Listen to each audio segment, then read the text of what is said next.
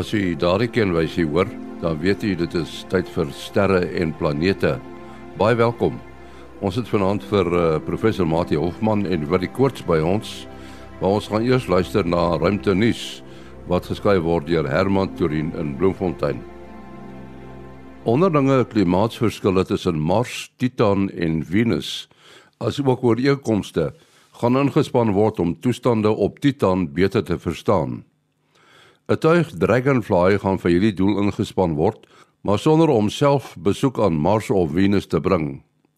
Dit sal moontlik wees omdat teen die tyd dat Dragonfly Titan bereik het, menslike besoekers reeds veel meer kennis van Mars sou opgedoen het as ook van Venus.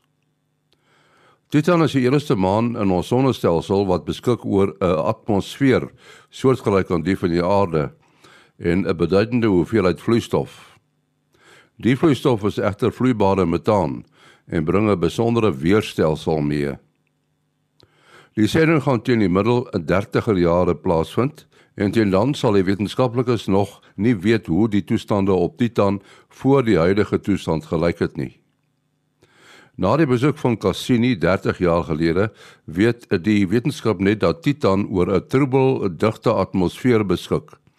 Hoewel die teleskope aan boord oppervlakvoorwerpe soos mere, berge en duine uitmaak, maar niks oor hoe die samestelling daarvan lyk nie.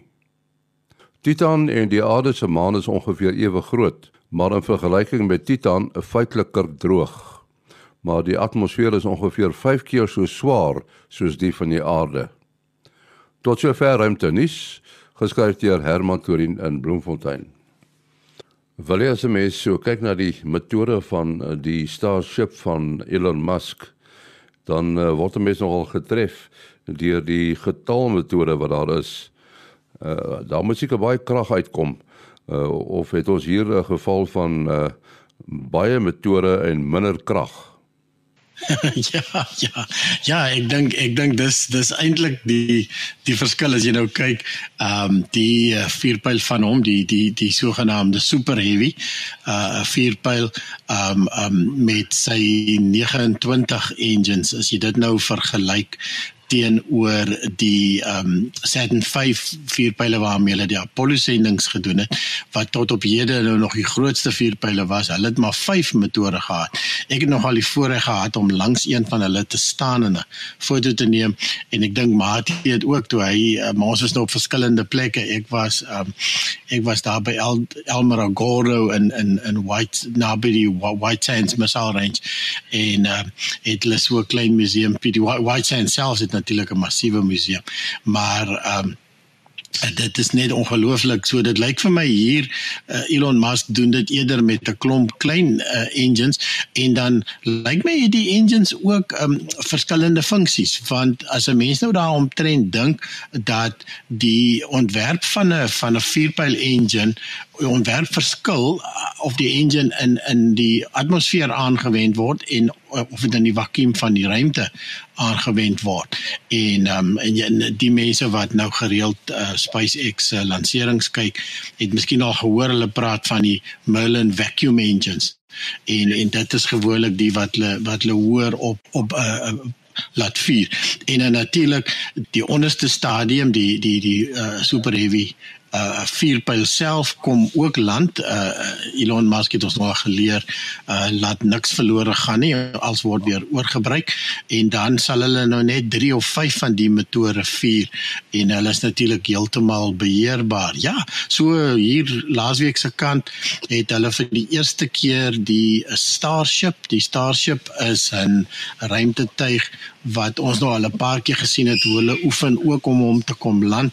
Hy snaakse maniere wat hy wat hy wat hy regtig 'n penskoot duik deur die atmosfeer. Hy hy hy kom plat in en dan hy vlekkies wat hom wat sy area nog bietjie vergroot en dan net voor hy kom land dan swaai hy homself regop 4 3 of 2 van sy metode afhangende van hoeveel stiekrag hulle hulle het geëksperimenteer met die verskillendes en dan en dan kom land hy ook uh weer op sy ster soos wat hy wat hy opgestyg het. Ja, so saam 'n uh, Starship uh, wat nou bo op die Super Heavy vir die eerste keer geïntegreer is, is dan 120 meter hoog of 36 verdiepings.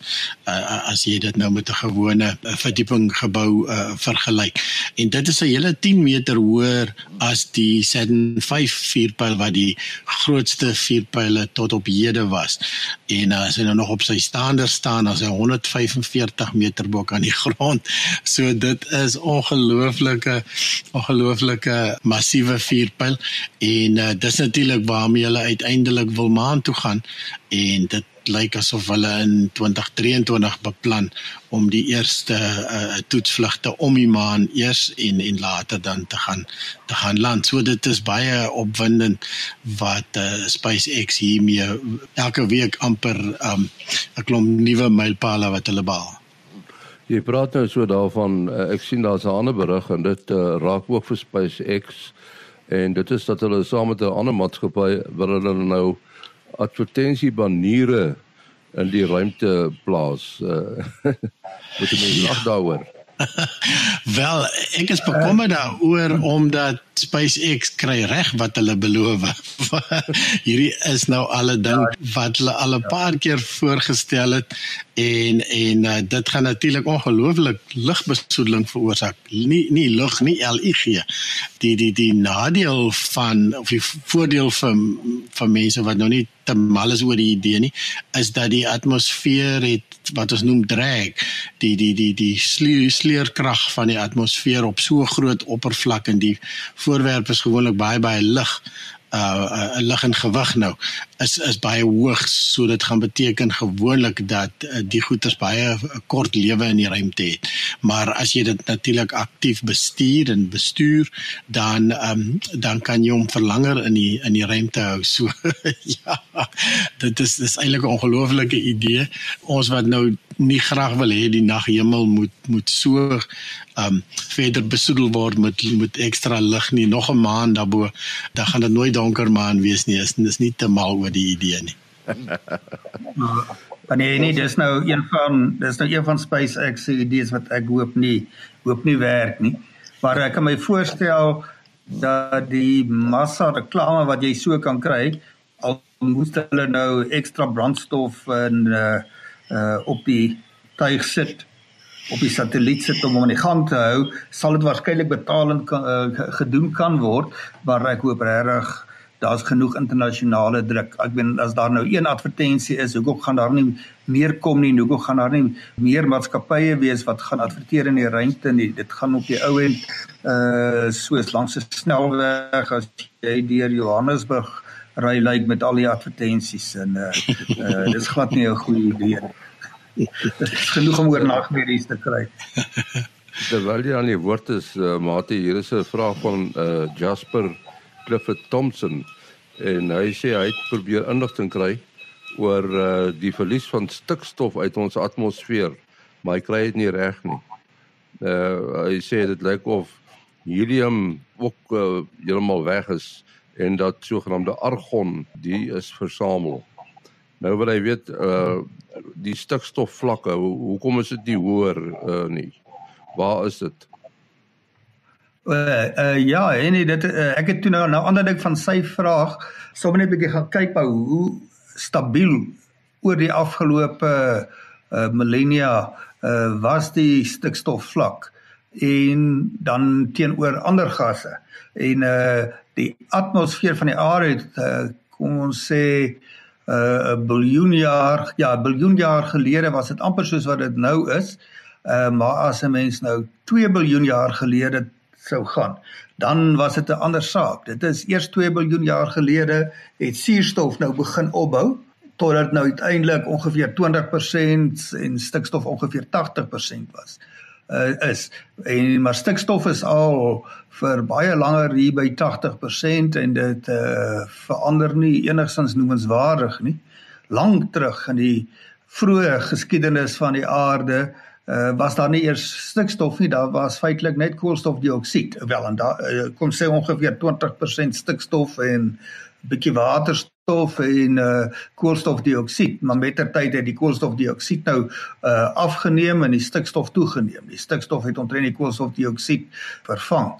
Uh so ek dink maar net uh, die die die rede hoekom uh helium byvoorbeeld ons snap is die die uh, digtheid van helium is uh baie laag so dit gaan opdryf na uh die uh hoër uh atmosfeer daar in die waar die ruimte omtrent begin uh waar dit baie makliker kan kan ontsnap uh, weens die bietjie sonwind wat daar deurkom. Ons weet die aarde se magneetveld uh beskerm ons in 'n groot mate teen die sonwind. Sonder dit sou uh, ons baie dunner atmosfeer gehad het.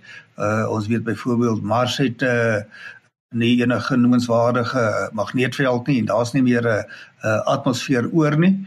Maar 'n stikstof is nou 'n baie swaarder element, baie hoër digtheid. Ehm um, so ek dink dit is maar die die die belangrike rede hoekom ons die stikstof kan hou en nie uh, nie helium nie. Ja, dis eintlik dis eintlik 'n lekker stryk vraag. 'n Mens dink altyd as jy vir mense vra wat se atmosfeer die aarde dan sê hulle suurstof en en suurstof is maar 18% as ek reg het. So die aarde het eintlik 'n stikstofatmosfeer. Mens mens dink nie in in die geval so nie, nee, ja. Ja, ons moet ook uh, ietsie sê oor uh, die nuwe Russiese module. Ek dink sy naam is Nauka wat veroorsaak het dat die internasionale ruimtestasie ja, so 'n bietjie sy posisie verloor het. Dis 'n ding wat mense eintlik al lankal, jy weet, wag om te gebeur. Uh, is dit nie uh, Willie? Uh, ja, dit was nou nogal 'n interessante storie gewees en en dit het mense ook weer laat besef van hoe die die sogenaamde station keeping gebeur. Die ruimtestasie uh, is is gedeeltyd uh, uh, aktief besig om sy posisie reg te hou soos wat dit om die aarde beweeg en as dit 'n klein bietjie uitgaan dan is daar steemmotors wat gevuur word. En uh, ja so nou onlangs soos jy sê Nauka het, het het die ou Russiese module vervang en uh, ons het dit maar so 'n program of 3 gelede net genoem. En uh, en toe die uh, was daar so 'n bietjie drama met die met die aansluit by die uh, ruimtestasie. Dit het uh, dit het op 'n stadium so bietjie want die goed is baie geautomatiseer natuurlik wat gewoonlik beter is as as om dit met die met die hand te probeer um te te probeer koppel. Kort na dit aangesluit het by die ruimtestasie en alles is mooi rustig en alles lyk of dit of dit um besig is om te gebeur hulle hulle is is um besig om oor te skakel sodat hulle kan inbeweeg in die nuwe module in. Um het die module skielik die sein verloor dat dit gekoppel is aan die ruimtestasie en toe gesê het o, git, maar dan moet ek dan moet ek nou uh, dan moet ek nou my my my, my stuurvuurpyle vuur. Ek kan nie onthou of, of hy probeer koppel of ontkoppel het nie. Maar in elk geval, toe het nou nogal 'n hele uh, nou omdat die ehm um, stasie 'n redelike mag het wat is die woord jy weet ehm um, ehm um, um, dis 'n lang magarm ehm um, dan is wanneer hy die vier pile vier dan het die die ruimtestasie begin uh, begin roteer uh so ver as as 45 grade. En intussen is die ruimtestasie se vier pile aan die ander kant besig om te sê o gits die ruimtestasie moet, moet moet nie so wees nie hy moet terugkom. En die twee het mekaar beveg daar vir 'n ruk totdat hulle uiteindelik uh Nauka se se se se beheerstels ek ek dink party mense vermoed hy hy net uit brandstof uit geraak gelukkig.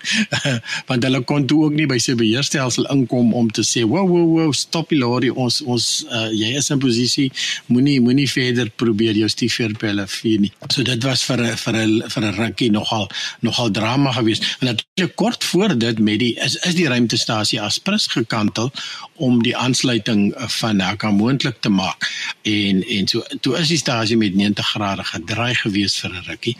En uh uh en toe is intussen nou weer teruggedraai. Ja, so dit was nou was nou amper 'n bietjie drama geweest daarso en maar daarom gelukkig op geen stadium was die bemanning in gevaar geweest en en dat die ruimtestasie heeltemal uit beheer uit kon raak. En natuurlik die ander ding is die sonpanele um het net 'n sekere hoeveelheid wat hulle kan draai om uh, om nog die son te kry en en dan kan jy begin krag verloor op die stasie. So dit kan nou nog al 'n interessante klompie drama veroorsaak het. Ja, en nie ek het nou sommer hier so 'n bietjie uitgewerk. Hulle praat van 'n die maksimum rotasiespoed was 'n half graad per sekonde. Nou dit is omtrent om nou af te rond 10 maal stadiger as die sekondewyser van 'n van 'n horlosie.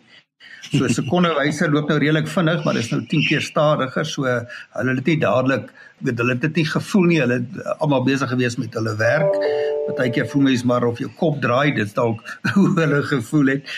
Maar dit is uh, die die motore van die uh, van die tuig wat nou gekoppel het, is natuurlik ontwerp om uh vir daai baie kleiner massa en uh, rotasie tragigheidsmoment te kan werk. So die effek op hierdie massiewe ruimtestasie is nie net 'n groot massa nie, ek uh so ongeveer 500 000 kg uh massa wat die al die komponente saam het, maar dit lê uh sou 'n rugbyveld vol lê. Uh is so daardie wyte van hom uh vanaf sê die sy uh sentrale simmetrie as die as wat deur sy massa middelpunt uh, sou gaan. Uh, dit maak dat dit moeilik is om hom te roteer. Ons die tegniese term daarvan is die rotasie traagheidsmoment. Dit is op die uh, moment of inertia. Uh, en dit is doen dieselfde vir rotasie as wat massa vir reglynige beweging doen. Uh so mens kan nou dink as jy nou 'n groot vragmotor probeer stoot met die engine van 'n van 'n klein uh 800 cc motortjie, gaan hy baie stadig versnel. Nou op dieselfde manier kan jy nou sê uh sê jy kon verklaar hoekom die traagheidsmoment ag hoekom die rotasie so stadig was. 'n Mens kan dit nou vergelyk met iets wat nou amper op 'n tragedie uitgeloop het wat daar uh, ook die motore van 'n tuig uh, aangesit het en uh, op 'n uh, uh, maksimum krag omtrent. So toe dit nie wou hê nie en dit is die bekende geval van Neil Armstrong by die Gemini 8 toe hy uh, buite beheer begin spin het en uh, hy sou kon uitpas weet 'n uh, flou word van die groot sentripetale versnelling hmm. maar hy was nie 'n gewone uh vlieënier die gewone mens nie. Hy kon kop hou en hy het die rotasie kon deaktiveer betyds uh om 'n tragedie te uh, te voorkom. Maar jy het al gehoor van uh, oneindige uh, sonkrag vlug dit is nou in terme van vliegtye Hier is 'n vraag van Dion van der Merwe van Zeres. Hy uh, het 'n vraag oor as 'n mens nou 'n sonkrag aangedrewe vliegtuig het sonder battery bystand vir nagvlug en al daai goed. Uh waar gaan die vliegtuig moet vlieg? Moet dit in die teenoorgestelde rigting van die aarde se rotasie wees en so voort. Dis 'n hele interessante debat daai. Hmm. Ja, as mens nou dink, ek het een keer in my lewe die uh effek gehad van die son wat stil staan. Uh dis die, ons met 'n groot vliegtuig vanaf Londen oor Kanada uh, uh, uh gevlieg het en die son het vir 'n lang tyd omtrent in pas uh met die son gebly. Uh so mens kan jou voorstel uh, en dit was natuurlik toe ons nou uh, wes vlieg, uh, vlieg. So jy vlieg in die teenoorgestelde rigting inderdaad as wat die as wat die uh die aarde draai sodat jy weswaarts vlieg en die son nie vir jou moet ondergaan nie, jy die hele tyd son het.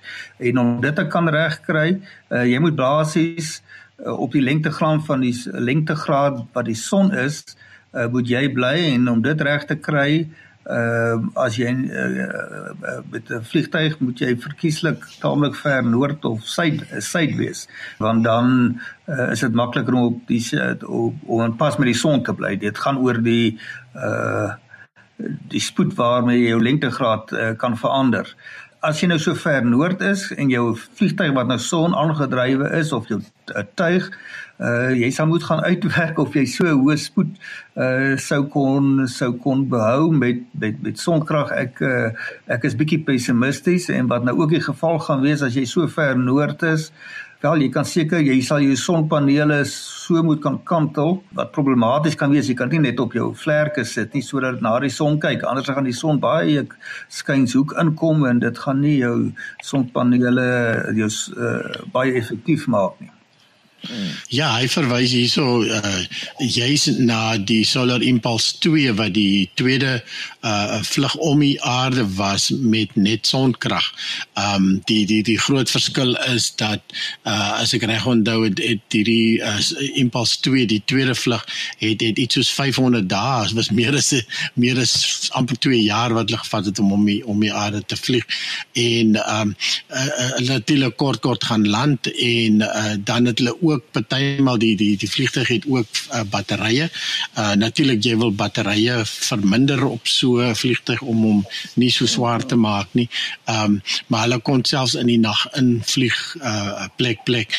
Ehm um, so uh, ja, want uh, Dion het hierso berekeninge gemaak dat as jy op die ewenaar vlieg moet jy 1600 km/h vlieg en um, en dan gaan die son vir jou stil staan soos wat jy nou beskryf het. En uh, en die probleem is net die hoeveelheid energie wat jy benodig om daardie spoed te handhaaf is net glad nie um wat sonpanele uh, en elektriese motors vir ons vandag met die huidige tegnologie kan kan lewer nie. So jy het net baie meer energie nodig as wat die son uh, of jy moet dit so groot maak dat uh, om om genoeg sonpanele want ek meen die son gee basies vir jou 'n kilowatt per uh, vierkante meter as jy 100% effektiewe sonpanele het. Maar sonpanele weet ons is hier by die 30-40% effektief. So de, ons die huidige tegnologie gaan dit definitief nie moontlik maak nie. Martie, dit lyk my die Amerikaners is lief daarvoor om uh, ruimteteleskope te lanseer. Ons weet nou van uh, die Hubble en dan hopelik James Webb. Maar as 'n nuwe een met die naam van Spherex Weet jy iets daarvan? Ja, so, dit is dan nie snaaks by so bekend as die James Webb teleskoop waaroor daar nou al jare gepraat word as die opvolger van die Hubble teleskoop is die Hubble teleskoop nie. Uh die Spherex uh, uh gaan 'n baie meer gespesialiseerde uh taak hê as die James Webb teleskoop. Uh so dit is 'n uh, 'n goedkoper en 'n baie minder ingewikkelde sending.